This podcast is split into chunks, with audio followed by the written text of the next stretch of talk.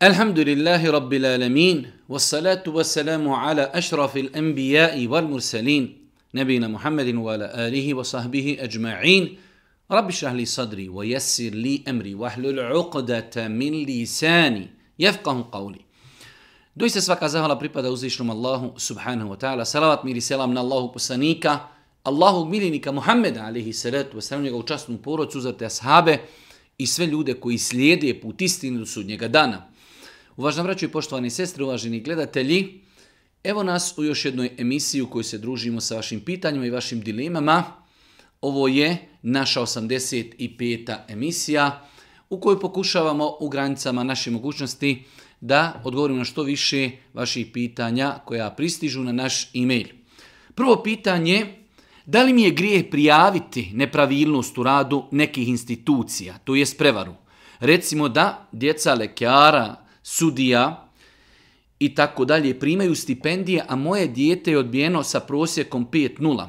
Samo zato što sam predala potvrdu u e, visini primanja onako kako jeste, nisam falsifikovala, a mislim da oni jesu.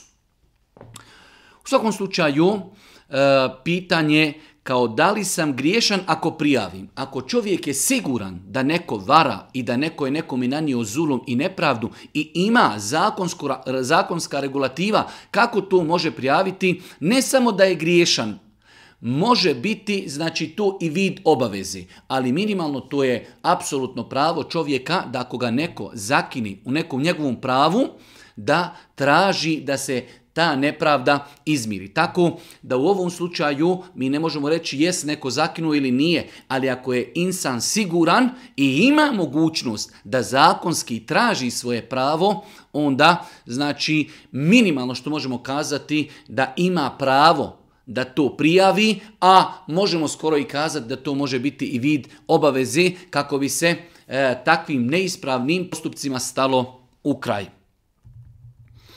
Drugo pitanje, čula sam, noću se hrana mora pokriti nečim. Ja to i praktikujem, ali ipak nekad zaboravim. Pa od straha bacim tu hranu ako je mala količina. Ako nije, ispuhana na tu hranu i napravim neku dovu. I tako dalje. Pitanje je da li je obaveza pokrivati otkrivene posude u kojima ima voda i hrana i ako nismo to uradili, da li moramo tu hranu baciti. Preporučeno je u vjerodostojnim hadisima da je Allah poslanik ali se letu selam preporučio da se e, ne ostavljaju posude u kojima ima hrana otkrivene. To jeste, ali maksimalno što možemo za to kazati jeste da je to pohvalan čin, da je pohvalan čin u smislu ako to ne bi uradili hrana koja je ostala preko noći otkrivena je čista, možemo je konzumirati i nema potrebe nikakve da je bacamo. Tako da je ovdje odgovor, znači ako se desi da neka žena ili neko drugi ne pokrije posudu u kojoj ima voda ili, neki, e, ili neka hrana, da li sutra može konzumirati tu hranu? Apsolutno da pohvalno i lijepo je da se pokrije e, znači posuda u kojoj ima vode ili hrani ili bilo kakva druga tečnost, ali ako se to ne uradi, nema potrebe takvu hranu bacati. Pitanje broj 3, da li hijab mora da bude u crnoj boji? E, nije obaveza da mahrama, džilbab ili hijab, e, vanjska odjeća koju žena nosi prilikom izlaska iz kuće bude i crne boje. Da, jeste to najrasprostranjenija boja u islamskom svijetu i e, većina ashabiki nosile su crnu boju, ali svaka druga boja koja postiže željeni cilj hijjaba a to je da se ženo tijelo pokrije i da ne privlači pažnju. Tako da sve te neke, da ih nazovemo tamnije boje, mogu, mogu se znači od njih oblačiti i mahrame i džilbabi i suknje i tako dalje. Tako da e, kada je u pitanju crna boja nije uvjet, nije obaveza, e, znači dozvoljeno je da odjeća koju žena oblači izvan kuće bude i u drugim bojama, bitno je da to ne budu neke jake i žarke boje koje privlače pogled Privlači pogled ljudi. Pitanje broj četiri, malo duže pitanje, e,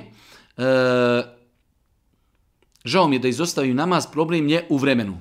E, dok dođem s posla, ako žurim s autom, putujem, jedva stignem na 5-6 e, minuta kući prije nego nastupi znači akšam namaz prije nego što istekne i kindija kako u takvim situacijama pristupiti. Znači imamo pitanje da čovjek pita e, svakako svi smo, pogotovo u zimskom periodu, u trci s vremenom, pa žuri iz posla da dođe kući i dođe 5-6 minuta ranije i da li mu je i kindija nama tada validna. E, nadamo se inšala da je ikindija validna, znači ako smo sigurni da smo došli 5-6 minuta prije zalaska sunca, e, znači odmah ćemo uzeti abdest i odmah početi klanjati. Ali ono što bi ja preporučio, svakako da ne dolazimo, jer pazite, E, prvenstveno primjer radi i vaktije, neki 5-6 minuta imaju toleranciji. Prva stvar, to je jedna stvar. S druge strane, može se nekada desiti gužva e, u saobraćaju i da nam prođe namasko vrijeme, tako da moj je savjet da pokušamo, pogotovo ako smo mi vlasnici auta, uvijek se možemo negdje pola sata, sat vremena ranije prije naše kući zaustaviti o, kod nekog parkinga, kod nekog parka, ne znam nija, uvijek čovjek zna u nekom gradu gdje ima i neka sklonjena mjesta, prostrti svoju seđadu, lagano obaviti četiri rekiata i kindije namaza i onda lagano kući stići da čovjek ne rizikuje svoj namaz. Znači, osobe koji se boje da ako dođu u kući da će njihov namaz proći, moj savjet je onda da se potrude, da se negdje zaustave u putu, e, da imaju u autu uvijek seđadu, da znači na nekom parkingu ili u nekom parku klanjaju i onda lagano idu u kući. A ako bi čovjek došao nekih 10-15 minuta prije zalaska sunca, abdestio i odmah počeo klanjati kindiju ako Bog da njegova kindija namaz je ispravna. Ponekad zaboravim E, dovu na vitr namazu. I tek kada sam otišla na seždu, sjetim se da nisam proučila tu dovu, je li mi namaz ispravan? Apsolutno da. E, kunut dova na vitr namazu je e, pohvalan čin i postupak. Što znači, ako bi klanjali i da nismo proučili dovu, naš E, vitr namaz je validan. Kada je u pitanju vitr namaz možemo zapamtiti nekoliko stvari, znači vitr namaz se može učiti, a može se izostaviti. Može se učiti nakon znači fatiha pa sura, pa možemo odmah učiti dovu. A možemo proučiti fatihu pa suru, pa otići na ruku, pa vratiti se, pa učiti dovu. To su dvije stvari. Znači možemo učiti dovu prije rukua i poslije rukua.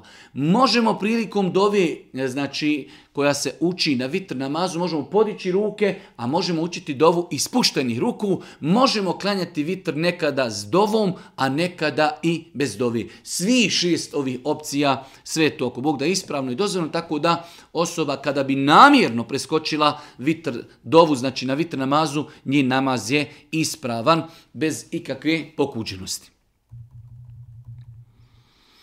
E, šesto pitanje, možete li mi reći kako da postupim sa komšijama koji me uznemiravaju, do te mjere da ne mogu e, vrata od auta zatvoriti i tako dalje. E, jedno duže pitanje, čovjek vjernik treba da se trudi u životu da bude dobar prema komšijama zbog svih kuransko-hadijskih argumenata koji naređuju dobročinstvo prema komšijama. Isto tako, čovjek treba da bude strpljiv na uvredama komšija. Ali to ne znači da treba čovjek da dozvoli da, da ga neko e, maltletira i da ga neko zlostavlja. Znači može se desiti da imamo ezijet jednom ili dva puta, ali onda mi e, treba da dođemo u poziciju da to upozorimo, da ukažemo, da savjetujemo, da kritikujemo ako vidimo da to nema koristi, možda da neko ko je autoritet toj porodici i tom čovjeku, da njega zamolimo da im ukaže na to.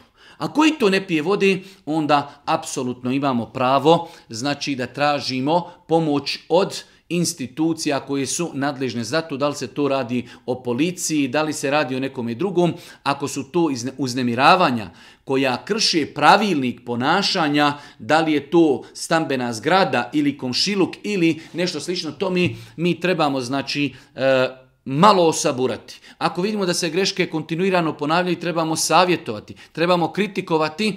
Ako ne prolazi ni to, onda trebamo nekoga zamoliti da im to ukaže da je to neispravno. Ako vidimo da ništa od toga nije upalo, onda nema nikakve smetnje, odnosno čak šta više treba treba da angažujemo institucije koje su zadužene za to, ako je za to zadužena policija, da nazovemo policiju i da tražimo njihovu intervenciju.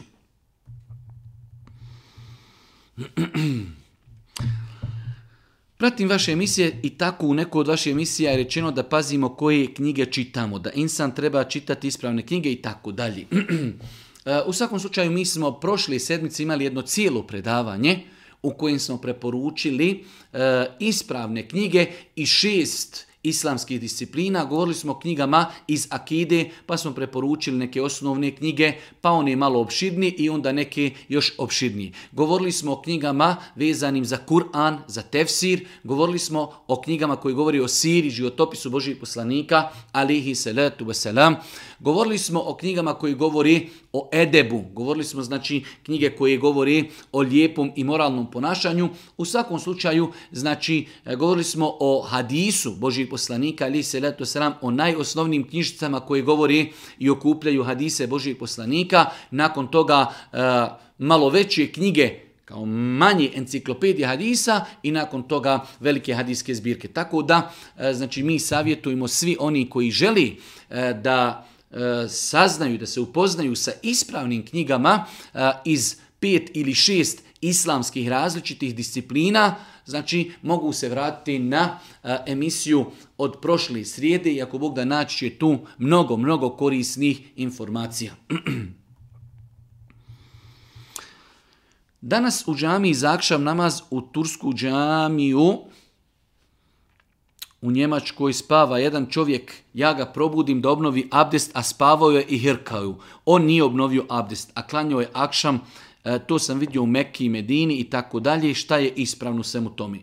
Allah najbolje zna, e, čovjek koji je zaspao jakim snom, do te mjere da je izgubio izgubio osjećaj šta se oko njega dešava, da kada ga probudimo, on ne zna ili spavao minut ili 15 minuta. Ako čovjek, hajde da kažemo ono u našem e, jeziku i žargonu, dremucka, znači on malo ga vlad, savlada san, ali čuje šta se oko njega dešava i kada bi se desilo da pusti vjetar ili znači izgubi abdest, on bi to osjetio. U takvoj situaciji, kao što je prenešeno da su tako učinili ashabi, čekali su jaciju Božih poslanika, pa su im glave znale znači od umora padati, to ne kvari abdest. Ali ako čovjek zaspi tvrdim snom, tako da kažemo, da izgubi osjećaj vremena i prostora, to gubi abdest i obaveza je da e, insan obnovi u takvoj situaciji abdest. Naše je da ljude upozorimo, da im kažemo spavao si, čuli smo, hrkao si, idi abdesti. Ako hoće abdest, to će, ako neće, ne možemo mi na silu nekoga natjerati da promijeni abdest. Pošto majka ne zna poslati email, pišemo mu njeno ime, vidjeli smo na TikToku kako se ispravno donosi salavat na poslanika, onako kako je Allah naredio. Uglavnom, pitanje je, E, kako i na koji način ispravno donijeti salavat mimo namaza. Znači mi imamo salavat koji je Boži poslanik ali se letu selam podučavao ashabe u namazu Allahumma salli ala Muhammedin wa ala ali Muhammed kema sallaita ala Ibrahim wa ala ali Ibrahim inne hamidun Majid, wa barik ala Muhammed wa ala ali Muhammed kema barakta ala Ibrahim wa ala ali Ibrahim inne hamidun Majid. to su salavati koji mi učimo namazu. Kako izvan namaza, namaza donijeti salavate? Dovoljno je da čovjek kaže Allahumma salli. Može se i dodati Allahumma salli wa sallim ala se jedina wa nebijina Muhammed sallallahu alaihi wasallam. Znači da kažem Allahumma salli wa sallim ala se jedina wa nebijina Muhammed sallallahu alaihi wasallam. To je neki, hajde da kažemo, klasični, standardni i najjednostavniji način donošenja salavata na Božijeg poslanika izvan namaza, da čovjek sjedne i donosi salavate na Božijeg poslanika Allahumma sallim, Allahumma salli wa sallim, ala se jedina wa nebijina Muhammed sallallahu alaihi wasallam. Jedno pitanje, e, sestra moga muža svaki dan dolazi kod nas, iako ne, iako ne živi sa nama, ona dođe svaki dan i sjedi, ostani kod nas, po 3-4 noći i tako dalje, ide za mnom u spavaču sobu, e, ide za mnom u toalet i tako dalje. Znači jedna naša sestra se žali na svoju zavu koja e, previše često dolazi kod njih, da li ona ima pravo da insistira od svoga muža, e, da zamoli tu svoju sestru, da manje dolazi? Apsolutno da. Apsolutno da. Znači, bez obzira što se radi o nekome e, koji je, e, znači, usko vezan za čovjeka, ali dolaziti svakodnevno, ostajati po 3-4 dana, zalaziti u pitanja intime, ulaziti ljudima u spavaču sobu, pratiti u toalet, to je znači prešlo granice normali. Tako da svakako da treba na lijep i kulturan način e, prvenstveno e, brat od te žene da kaže svojoj sestri da to što radi, da je ne lijepo zamoli da je to ipak previše, da poroca ima svoju, ajde da kažemo, e, potrebu za mirom, za harmonijom, za bračnim ambijentom i tako dalje. Tako da treba ukazati da je to neispravan postupak. Da li je dozvoljeno kupovati mliječne proizvode firmi koji na svom imenu imaju onaj zeleni list, što je simbol za sreću, s obzirom da je to sujevjerje?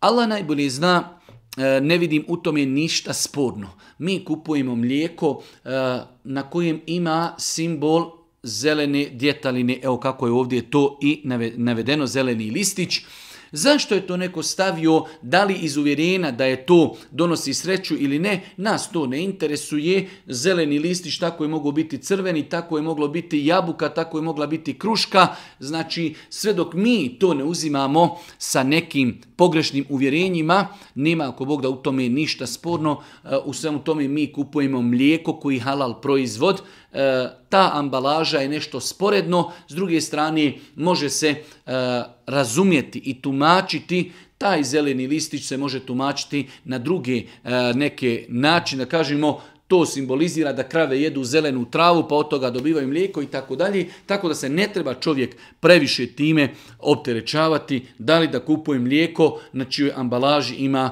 listić zelene ne. Mislim da u tome nema, ako Bog da, ništa, ali baš ništa širijetski sporno. Možete li objasniti ajeti suri El Isra 80 i, os, eh, En 88. ajet?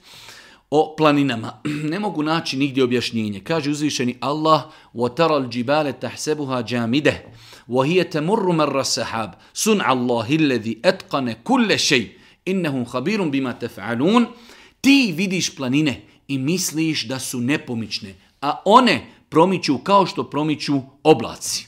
To je Allahovo djelo koji je sve savršeno stvorio. On doista zna ono što radite. Znači ovo su, a ovo je ajeti suri En Neml 88. E, ova naša sestra traži tumačenje ovog ajeta, nije mogla nigdje da nađe na šta se odnosi. Islamski mufesiri tumači Kur'ana, pogotovo iz prvih generacija, e, govorili su pošto prije ovog ajeta su ajeti koji govori o sudnjim danu, pa su kazali tako su protumačili ove ajete da se to odnosi na sudnji dan. Mi znamo kako će doći do veliki, veliki kosmičkih promjena, e, znači prilikom nastupanja sudnjeg dana, pa su kazali da je to jedna od situacija e, koji će se desiti na sudnjem danu. E, dio savremenih učenjaka Dio savremenih učenjaka kazao je da se ovaj ajet odnosi na sadašnje vrijeme, odnosi se direktno na poslanika, kaže ti vidiš, ti poslaniće vidiš, ti vidiš, ti vidiš planine i misliš da su nepomične, a one promiču kao što promiču oblaci. E, pa su na osnovu ovih kuranskih ajeta e, kazali i dokazali i uzmali kao dokaz da se zemlja kreće i da kruži oko svoje ose, kaže ti vidiš planine, kao da su nepomične, a one u osnovi, one u osnovi prolaze kao što prolazi i oblaci. E, Allah najbolje zna, u svakom slučaju e, oba ova mišljenja imaju svoju težinu, imaju svoju težinu. E, svakako, rekli smo, da e, Kur'an nikada nije u koliziji sa naukom, ovi ajeti definitivno mogu se tretirati kao dokaz da se zemlja kreće oko svoje osi, ali isto tako, znači prve generacije su ovaj ajet svatale u kontekstu dešavanja i događaja koji će se desiti na sudnjem danu. Dobio sam informaciju starijeg čovjeka koji ide u tekiju. Kaže da ne treba ići na umru ako nisi prije obavio hađ, jer kao, kao kvari se hađ. E, nije tačna konstatacija da se ne može ići na umru prije nego što se obavi hađ. Čovjek može imati e, financijsku mogućnost da ode na umru, a nema mogućnost da ode na hađ, takav insan može i tekako bez ikakve prepreke da obavi umru, pa ako Allah Žešanu nakon toga olakša da sakupi novac ili da dobije novac pa da ide na hađ, on će to i uraditi. Sam Allahu poslanik alihi salatu wasalam obavio je jednu, a i više umri prije nego što je obavio hađ. Tako da, apsolutno neispravna teorija, apsolutno neispravna teorija, obavljanje umri prije hađa je ispravno poprema konsenzusu islamskih učenjaka. Tako da, ovo je još jedan od dokaza kako treba paziti od koga učimo i koga slušamo kada je u pitanju propisi vjeri. To što neko ide u neku tekiju i to što neko možda i vanštinom pokazuje pobožnost ne znači da poznaje propise. Tako da nema nikakve znači e, spornosti da čovjek ode na umru, pa ako toga, ako Bog da, ako nakon toga mogne obaviti hađ, dobro i jeste.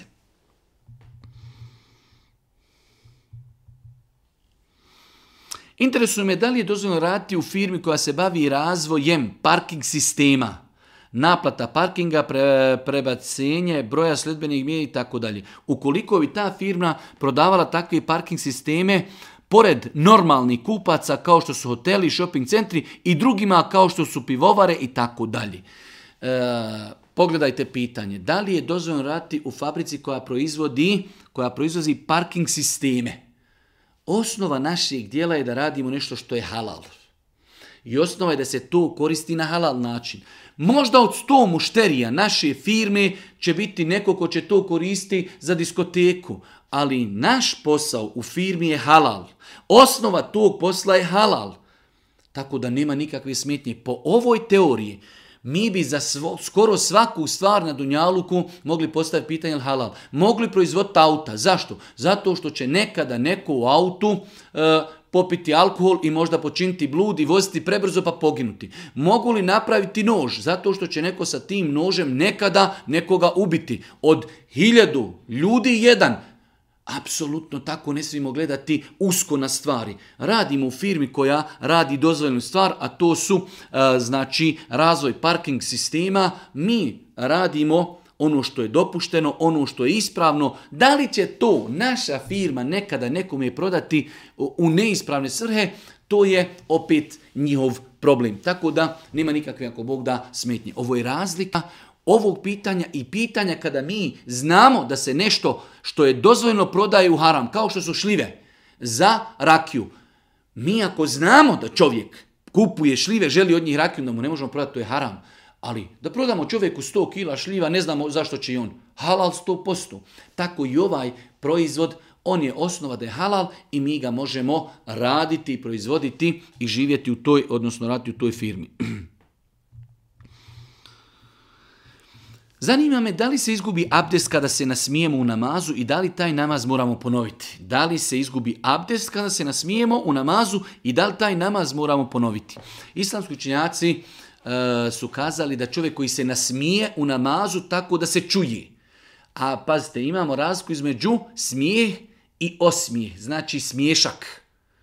Ako bi čovjek samo u namazu nešto se prisjetio, nešto vidio i samo se pokaži osmije na licu to ne kvari namaz. Ni abdest, ni, niti kvari abdest, niti namaz. Ali ako bi čovjek ispustio glas, ha, ha, ha, počeo se smijati, to mu kvari namaz, a ne kvari abdest. Hanefijski mezeb je smatrao da to kvari i abdest i kvari namaz, što nije tačno jer ne postoji dokaz da kvari i abdest i kvari namaz, već samo kvari namaz. Nismo ništa uradili jer smijanje, kao što ne kvari abdest mimo namaza, prije namaza, poslije namaza, zašto bi kvarlo smijanje abdest u namazu. Tako da je ispravno ako se desi da nekada nekoga nadlada smih, a može se desiti. Čovjek nekada ispred njega se desi nešto, čuje nešto i sjeti se nečega, ne može se kontrolizati, nasmije se. Prekriče namaz i ponovo Allahu Ekber, ali njegov abdest je validan. Znači, rezimiramo, e, ako se desi da čovjek se nasmije tako da se čuje njegov smijeh, njegov namaz je, ta, e, znači njegov namaz je neispravan, a abdest mu je validan.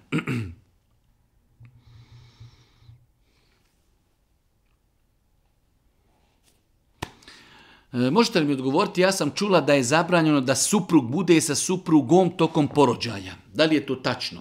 Nije tačno. Nije tačno da je zabranjeno.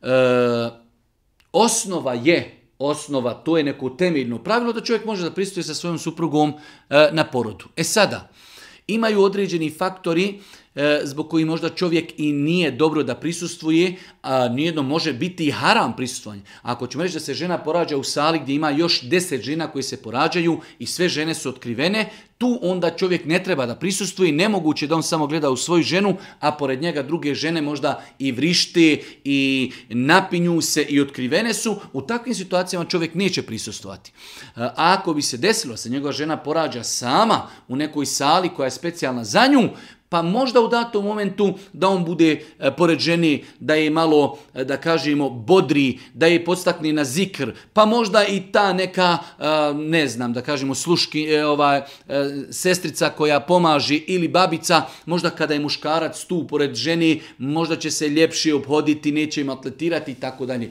Tako da, u svakom slučaju, osnova propisa je da je muškarcu dozvoljeno da prisustuje ženinom porodu. Može to biti zabranjeno zbog drugih faktora, a drugi faktori su ako se žena porađa u saliju u ima još drugih žena. A znači, a, ako nije takva situacija, ako se žena sama porađa, nema smetnji da čovjek prisustuje porodu. Smije, da li se smije oženiti po šerijetu žene koje su međusobno sestre? Da li se smije oženiti sestre? E, kada je u pitanju islam, islam strogo zabranjuje E, da čovjek oženi dvije sestre. To je zabranjeno islamu, ali šta znači da je zabranjeno da oženi dvije sestre? Da oženi u istom momentu dvije sestre. Ali da čovjek bude oženjen ženom, pa ona umri, ili razvede, nakon toga dođe njenu sestru, nima ništa sporno. Allahu poslanik alaihi salatu wasalam, Osmana radi Allahu ta'ala anhu, trećeg pravednog halifa, oženio je sa dvije svoje čirke. Znači bila je za njim jedna čirka Božijeg poslanika, kada je umrla, oženio je drugu čirku Božijeg poslanika, to jest oženio je dvije sestre. Ono što je zabranjeno u islamu kada su u pitanju sestre, da je zabrajno spojiti u isto vrijeme dvije sestre u braku. Ali ako čovjek oženi jednu sestru, pa i razvede, on ima pravo da oženi njenu drugu sestru ili ako je oženio ženu pa ona umri, on ima pravo da oženi njenu sestru, a ono što je zabranjeno jeste da ih spoji zajedno da u isto vrijeme živi sa dvije sestre.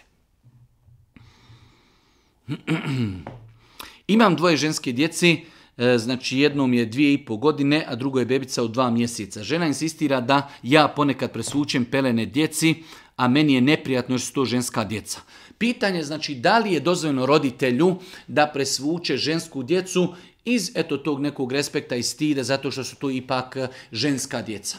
Kažu islamski učenjaci da sve do sedme godine e, žensko dijete e, ne smatra se uopšte da ima avrete, pogotovo kada su u pitanju avreti prema roditeljima, tako da nema nikakve smetnje da roditelj, otac, E, vidi stidne dijelove tijela svoje djeci. Svakako, znači, pogotovo u situacijama koji ima zatim potreba, kao u slučaju e, žena je bolesna, leži, treba pomoći oko žene da čovjek presvuče, dijete promijeni, e, pempas i tako dalje. Nima u tome, ako Bog da ništa sporno, čak i da čovjek, ako ima potrebu, i da operi dijete, i da ga okupa, i da ga očisti vlažnim maramicama, E, i da dotakne svaki dio njegovog tijela i intimne dijelove tijela, nema to ništa sporno zato što islamski učenjaci su rekli do sedme godine, znači e, muško i žensko dijete nemaju svoje avrete. Tako da, pogotovo u tim, da kažemo, periodima dijete od godinu, dijete od dvije godine, nema ništa sporno da muškarac e, operi i presvuče žensko dijete ili da žena presvuče muško dijete, apsolutno nema ništa u tome sporno. U narednom je periodu ću ići na operaciju kuka, pa me zanima proces klanjanja poslije operacije, jer vjerojatno neću moći određeno vrijeme ustati niti hodati. znači, da li mogu uzeti tejemom i tako dalje. E, dva su pitanja, znači osobe koje imaju operacije, imamo pitanje abdest, imamo pitanje namaza. Kada u pitanju abdest, e, svaka osoba treba da se potrudi u granicama svoje mogućnosti da abdesti za namaz. Ako bi se desilo da ne može abdestiti, niti ima ko da joj pomogne da abdesti, onda ne ostaje ništa drugo osim da uzmete jemom. Znači prvo se treba pokušati potruti osoba da uzme abdest, ako ne može da joj neko pomogni, ako ni to ne može onda će uzeti temu. Kada je u pitanju obavljanje namaza, ono što je bitno da zapamtimo, namaz moramo klanjati u namaskom vremenu. Osobe koje mogu stajati, one će stajati. Osobe koje ne mogu stajati, klanjaći sjedeći. Ako ne mogu sjedići, klanjaći ležići. Ako mogu uklinči se prema kibli, ako ne mogu klanjaći na krevetu onako kako je krevet postavljen. Znači sve se vraća na našu mogućnost shodno e, gdje je operacija se e, urađena, da li možemo stajati? Ako možemo stajati, onda moramo kao stajati ono što u namazu se stoji. Ako ne možemo stajati, onda ćemo pokušati klanjati sjedeći. Ako ne možemo, onda ćemo klanjati ležeći. Osoba koja klanja ležeći, ona će znači okrenuti se ako može prema kibli, ako ne može, okrenuti se onako kako je krevet okrenut.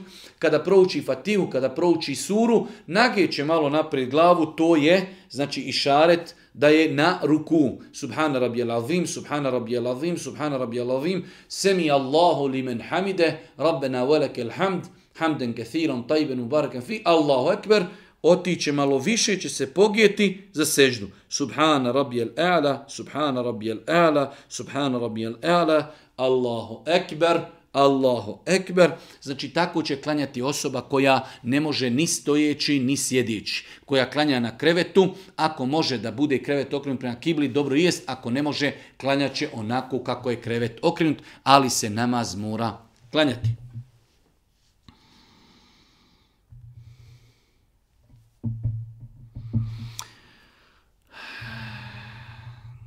Poštovani Peziću imam par problema koje nikako ne mogu da riješim. Priča je baš duga, ali evo skratit ću. Naime, molim dragog Boga preko pet godina za promjenu radnog mjesta. Molim Boga za još par stvari duž, duži vremenski period, ali nikako da nešto od toga dobijem. Pa sam se razočarao i tako su mi misli negativne da stalno razmišljam ako Bog kaže molite me, ja molim i ništa od toga ne dobijem, Bog ne ispunjava svoje obaveze. Razmišljam da i ja prema Bogu ne ispunjavam svoje obaveze. Iskreno, nemam više volje i želje da bilo šta molim dragog Boga, ono odem u, odem na džumu, ostale vaktove, klanjam kad stignem i tako dalje. Znači, pitanje je izuzetno komplikovano i teško, a to je da je čovjek Eh, određen vremenski period molio uzvišenog Allaha te tala za nešto nije dobio i razočarani, kao što kaže, razočaran je uzvišenog Allaha subhanahu wa ta'ala.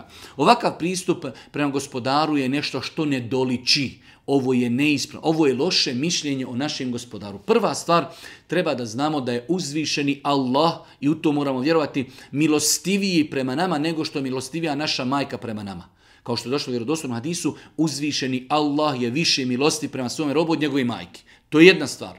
Druga stvar, uzvišeni Allah subhanahu tala, kao što je došlo u vjerodostojnim hadisima, čovjeku će za njegovu dovu dati jedno od troje. Ili će mu se odazvati, ili će ga sačuvati i zaštititi zla koji ga je trebalo zadesiti, ili će mu ostaviti sevap te dovi za sudnji dan.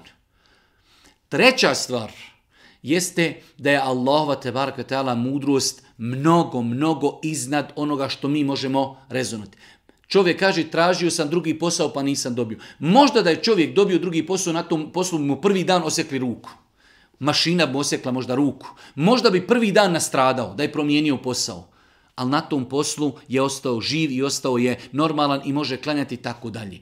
Tako da e, moramo imati lijepo mišljenje o gospodaru. Moramo vjerovati da nas gospodar voli više nego naša majka.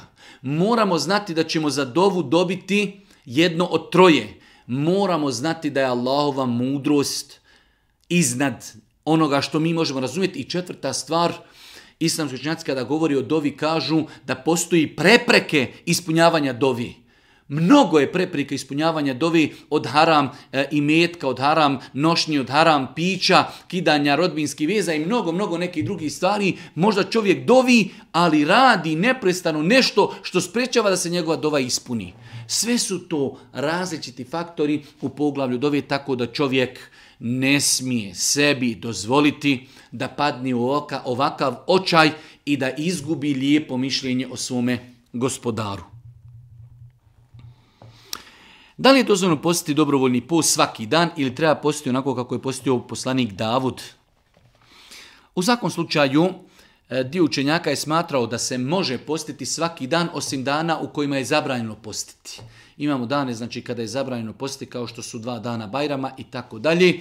E, ali e, imam vjerodostan hadis da je Allah poslanik kazao da je najbolji post, post Davuda ali se na sam. Tako da E, ja lično e, ne bi nikako preporučio nikome ništa više od toga. Ništa više od toga ako je neko baš zaljubljen u post i voli post i voli taj ibadet, uživa u tom ibadetu, onda maksimalno jedan dan posti, jedan dan ne posti, jedan dan posti, jedan dan ne posti. Boži poslanik je kazao da je to najbolji vid posta. Iako je bilo učenjaka koji su dozvolili da čovjek posti svaki dan, osim dana u kojima je zabranjeno postiti. Da li se osoba koja se liječi od sihra može udati ili je bolje da se liječi prvo, a nakon toga da se uda? E, ja lično smatram da nema nikakve smjetnje da se osoba uda, jer liječenje od sihra može potrajati. Ali šta je problem, odnosno šta je bitno, da osoba kaže da ima problem sa sihrom bilo o momku da se radilo o djevojci. Znači ako osoba ima problema sa sihrom, to se već smatra kao jedan vid mahani koju e, budući supružnici trebaju jedno drugom kazati. Ali čekati, možda čovjek se možda neće izliječiti pet godina. Da li treba čekati pet godina da ne stupimo u brak Neće čovjek 24 sata biti bolestan od sihra, tako da ja ne preporučujem. Ali preporučujem iskren odgovor, e, iskren dijalog između supružnika, ako je u pitanju sestra, kaže e, bratu koji je prosi, kaže Allah te nagradio, e, jesam za brak, sve, ali ja imam problema sa sihrom. Da te to ne iznenadi, jednostavno nekada će biti reakcije, nekada ću morati ići na rukju, nekada ću biti neraspoložena, samo da znaš da imam problema sa sihrom, Allah te nagradio. Ako je prihvati kao takvu, Znači, on je prihvatio tu njenu mahanu, iako Bog da, i on je spreman i psihički da se sa tim nosi, a s druge strane ne može joj sutra ništa prigovoriti i obrnuto. Ako se radi o bratu koji ima problem sa sihrom, kada prosi djevojku, treba da joj kaže, ja imam problema sa sihrom, želim da se oženim, želim da se sačuvam od nemorala, Budi spremna ako bude reakcija, ako bude nekog, hajde da kažemo, neraspoloženja i tako dalje, e, budi spremna da to prihvatiš. Ako to djevojka prihvati, znači ne treba poslije da mu na tome prigovara, tako da e, lično sam savjeta da ne treba čekati izlječenje.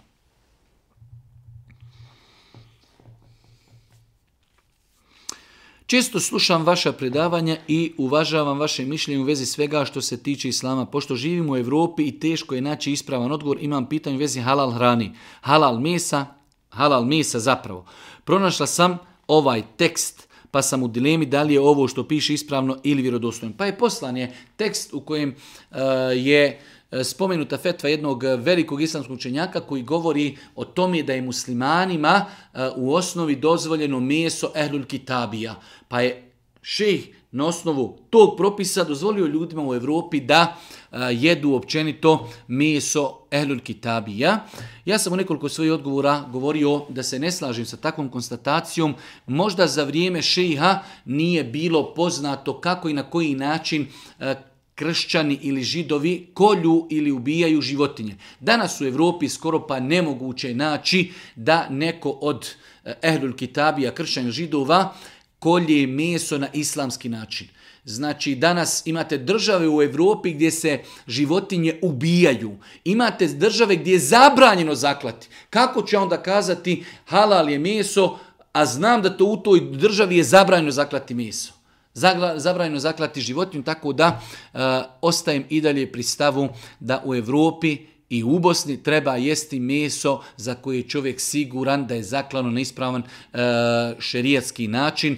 To što je opći propis da možemo jesti meso ehlul kitabija, kršćana i židova, e, ne znači da taj propis uvijek traje. Ako dođe vrijeme kada oni ne kolju po islamskim principima, čak su islamski činjači kazali da bi meso kršćana i židova bilo nama halal, treba da spomenu bismilu na početku. Dajte negdje na planeti da ima kršćanin ili židov koji kolje kaže bismila, tako da ne treba se ne treba se, hajde da kažemo, e, poigravati sa takvim pitanjima. Ulema koja je to dozvolila, vjerovatno je dozvolila u vremenu kada još nije bilo poznato kako i na koji način e, ljudi u Europi kolju, odnosno ubijaju životinje, tako da moj savjet je kad su u pitanju mesni proizvodi da čovjek jede ono zašto zna kako i na koji način je e, zaklano, minimalno da traži meso koje ima certifikat na kojem piše da je zaklano po islamskom načinu pripremanje mesa, nakon toga taj koji je dao taj certifikat, nek on odgovara, ali kupovati meso općenito smatram da je i tekako neispravno.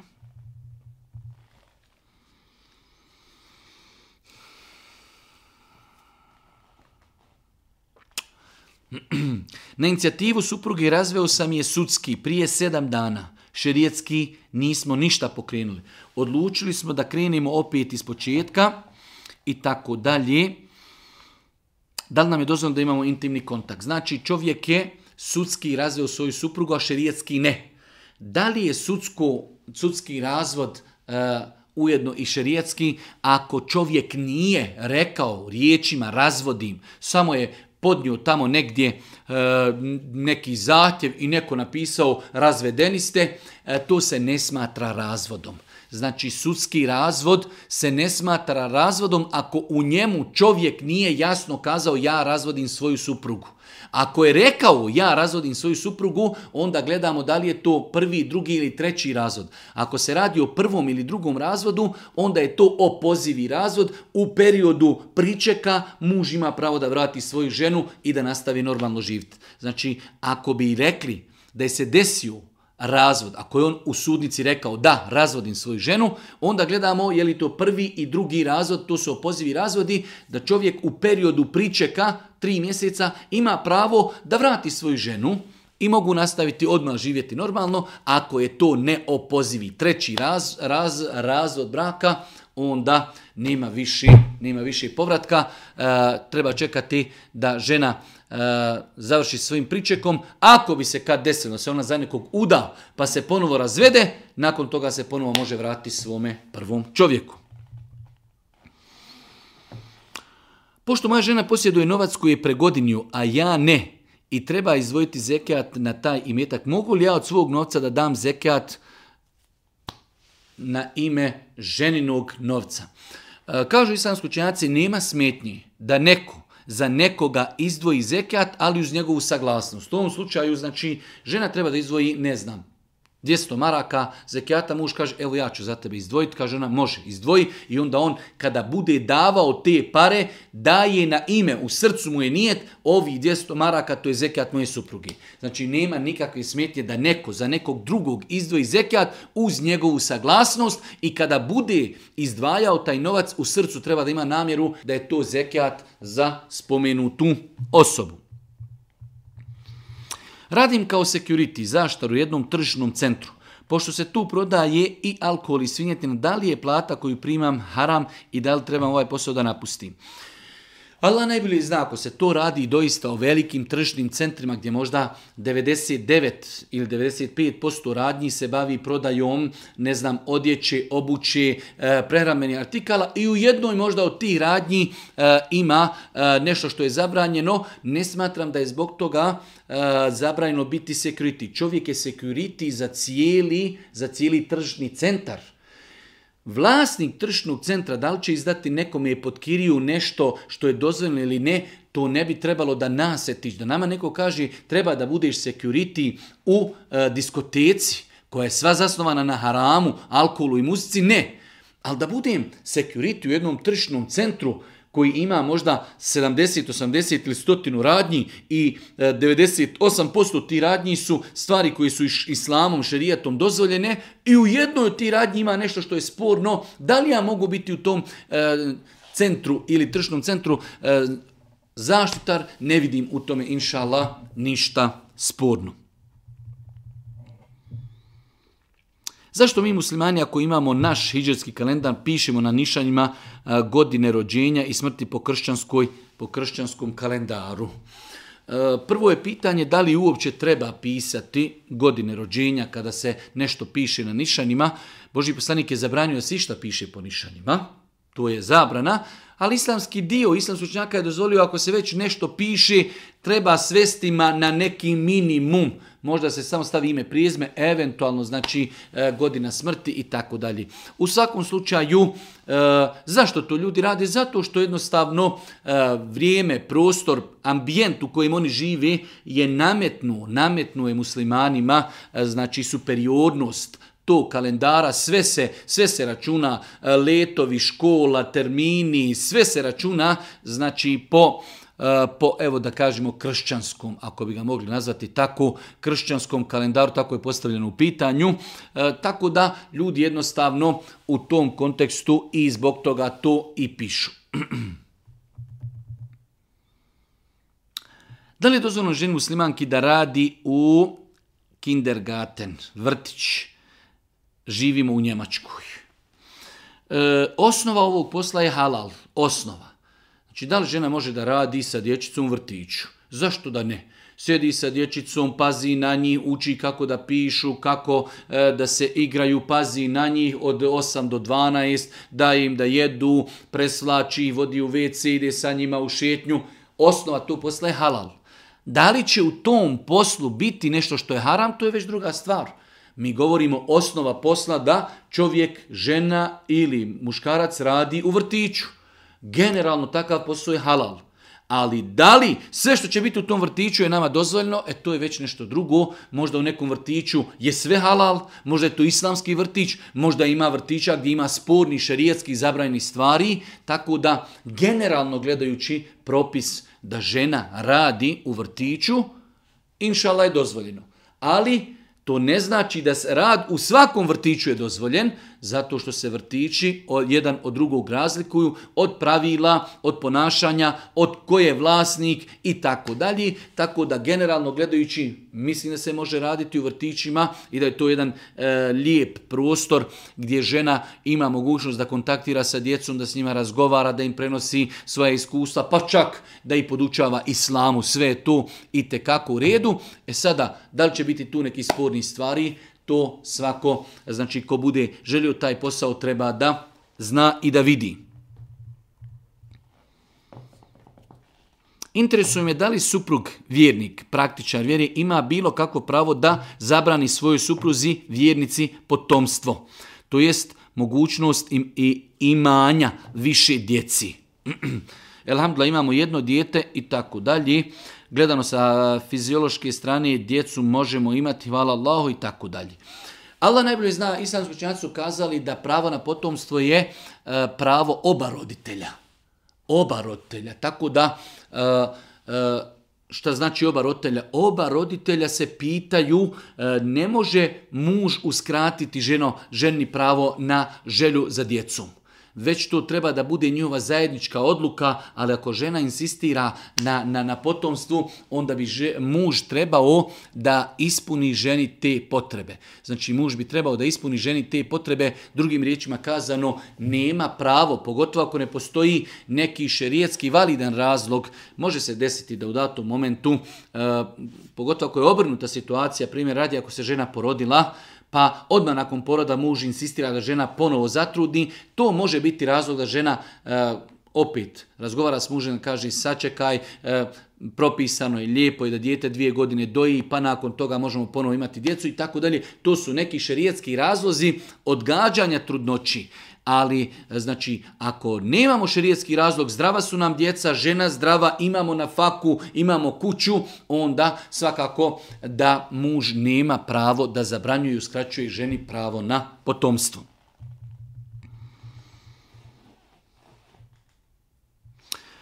Možete li mi objasniti hadis u kojem stoji da je Allah poslani kazao ne pripada nama onaj ko se udara po obrazima, cijepa odjeću i nariče kao u džahilijetu.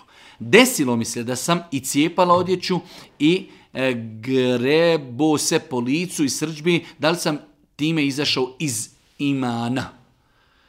Imamo vjerodostan hadis koji obilježi, imam Buharija i muslim da je Allah poslanik alaih salatu selam govorio o naricanju, e, o ženama e, koje nariču za umrlim. Pa je kazao Boži poslanik ali se leto sam nama ne pripada onaj ko se udara po obrazima od ljutnje i cijepa odjeću kao što su to radili u džahilijetu. Znači u džahilijetu kada bi neko nekome umro, znači od tugi, od žalosti, od muke, oni su se udarali po licu i čupali su odjeću. E, to svakako je pokazatelj nezadovoljstva lovim kaderom. Pa je Boži poslanik rekao nama takav ne pripada. E dobro, prva stvar imamo da je ovo vezano za naricanje za umrlim. Druga stvar, da li ako bi to neko i uradio, on time izlazi iz vjeri? Apsolutno ne. Zato što ovdje ove riječi lej se minna ne pripada nama, ne pripada poslaniku i njegovoj odabranoj skupini ashaba koji to ne čini. Ali ne znači ako bi neko to, ne daj Bože, uradio, on je uradio grije, ali nije izašao iz vjeri.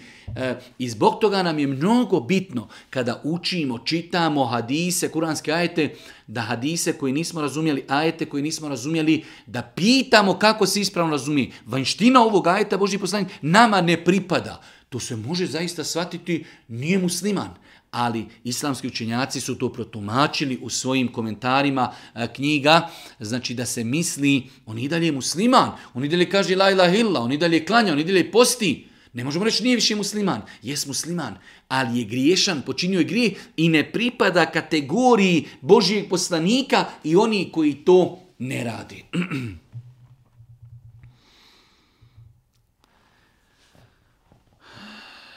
Da li je po vjerskim pravilima dozvoljeno udati se za osobu trećeg koljena? Apsolutno da. Da li je dozvoljeno udati se za osobu trećeg koljena? Apsolutno da.